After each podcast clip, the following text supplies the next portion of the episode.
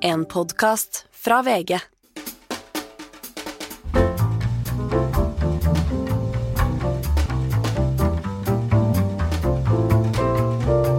Hei!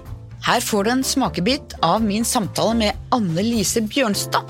Hun er sjefforsker ved Forsvarets forskningsinstitutt, utdannet psykolog og jobber med hvordan vi påvirkes av ulike operasjoner, ulike fiender og folk som ikke vil oss vel. Hvordan vi kan bygge motstand mot det. Er nå tillit en fordel utelukkende i denne sammenhengen, eller er det egentlig nyttig å være litt mistroisk òg?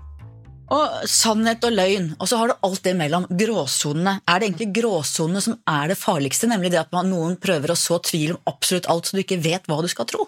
Ja, ikke sant. Vi har jo sett at eh, Russland har jo brukt dette mye som taktikk. Altså sende ut veldig mye forskjellig informasjon, eh, som kan være direkte selvmotsigende mange ganger.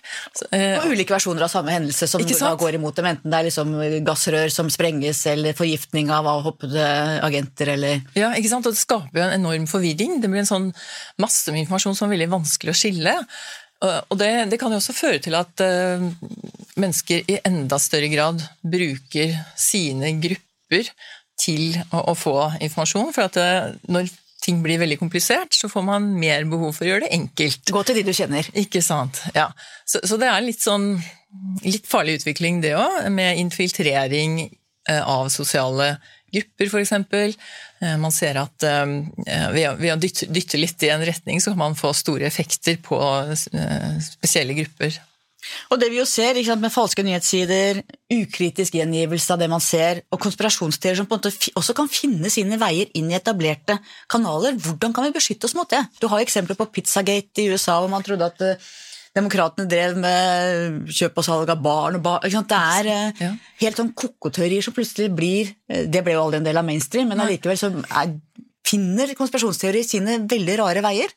Ja, Eh, og der ser vi jo heldigvis ennå litt samfunnsmessige forskjeller. Eh, USA har jo da vist at eh, der er det mange som faktisk tror på disse konspirasjonsteoriene.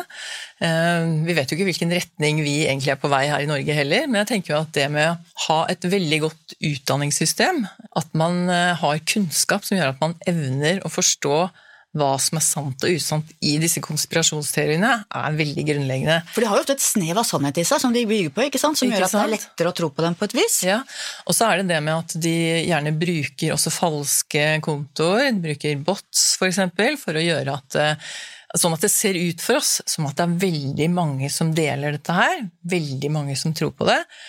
Og da har vi også en litt sånn kognitiv eh, feiloppfatning, at når det er mange som tror og mener noe, at man da eh, tenker ja, men da må det jo være noe i det.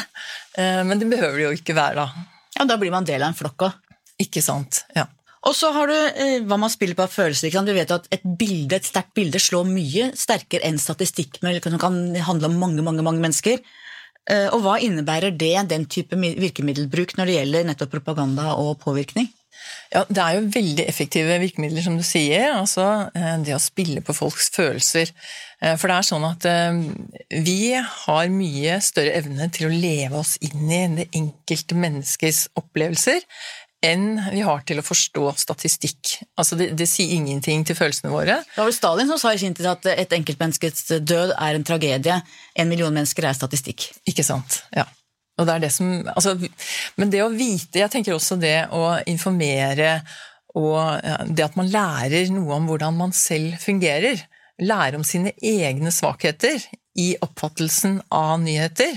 Kan også hjelpe en til å bli liksom litt mer skeptisk til ok, hvordan er det jeg tenker rundt dette her, hvorfor tenker jeg rundt dette her på den måten, osv. Det kan hjelpe oss Man kaller det gjerne metakognisjon, når man tenker om hvordan man tenker. ikke sant?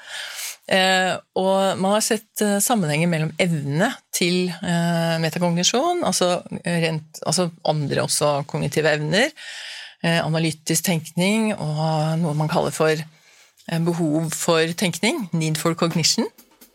Det handler om å like å tenke dybden på ting. Like å tenke alle disse tingene. Det har positiv effekt. Her har du fått en smakebit av min samtale med Anne Lise Bjørnstad. Hele episoden kan du høre i Podmy eller VG+. God helg!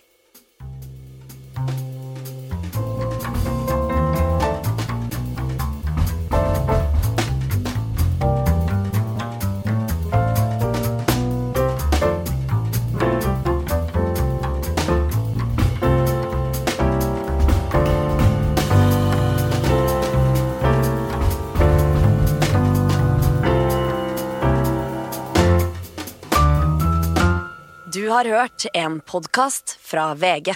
Ansvarlig redaktør, Gard Steiro.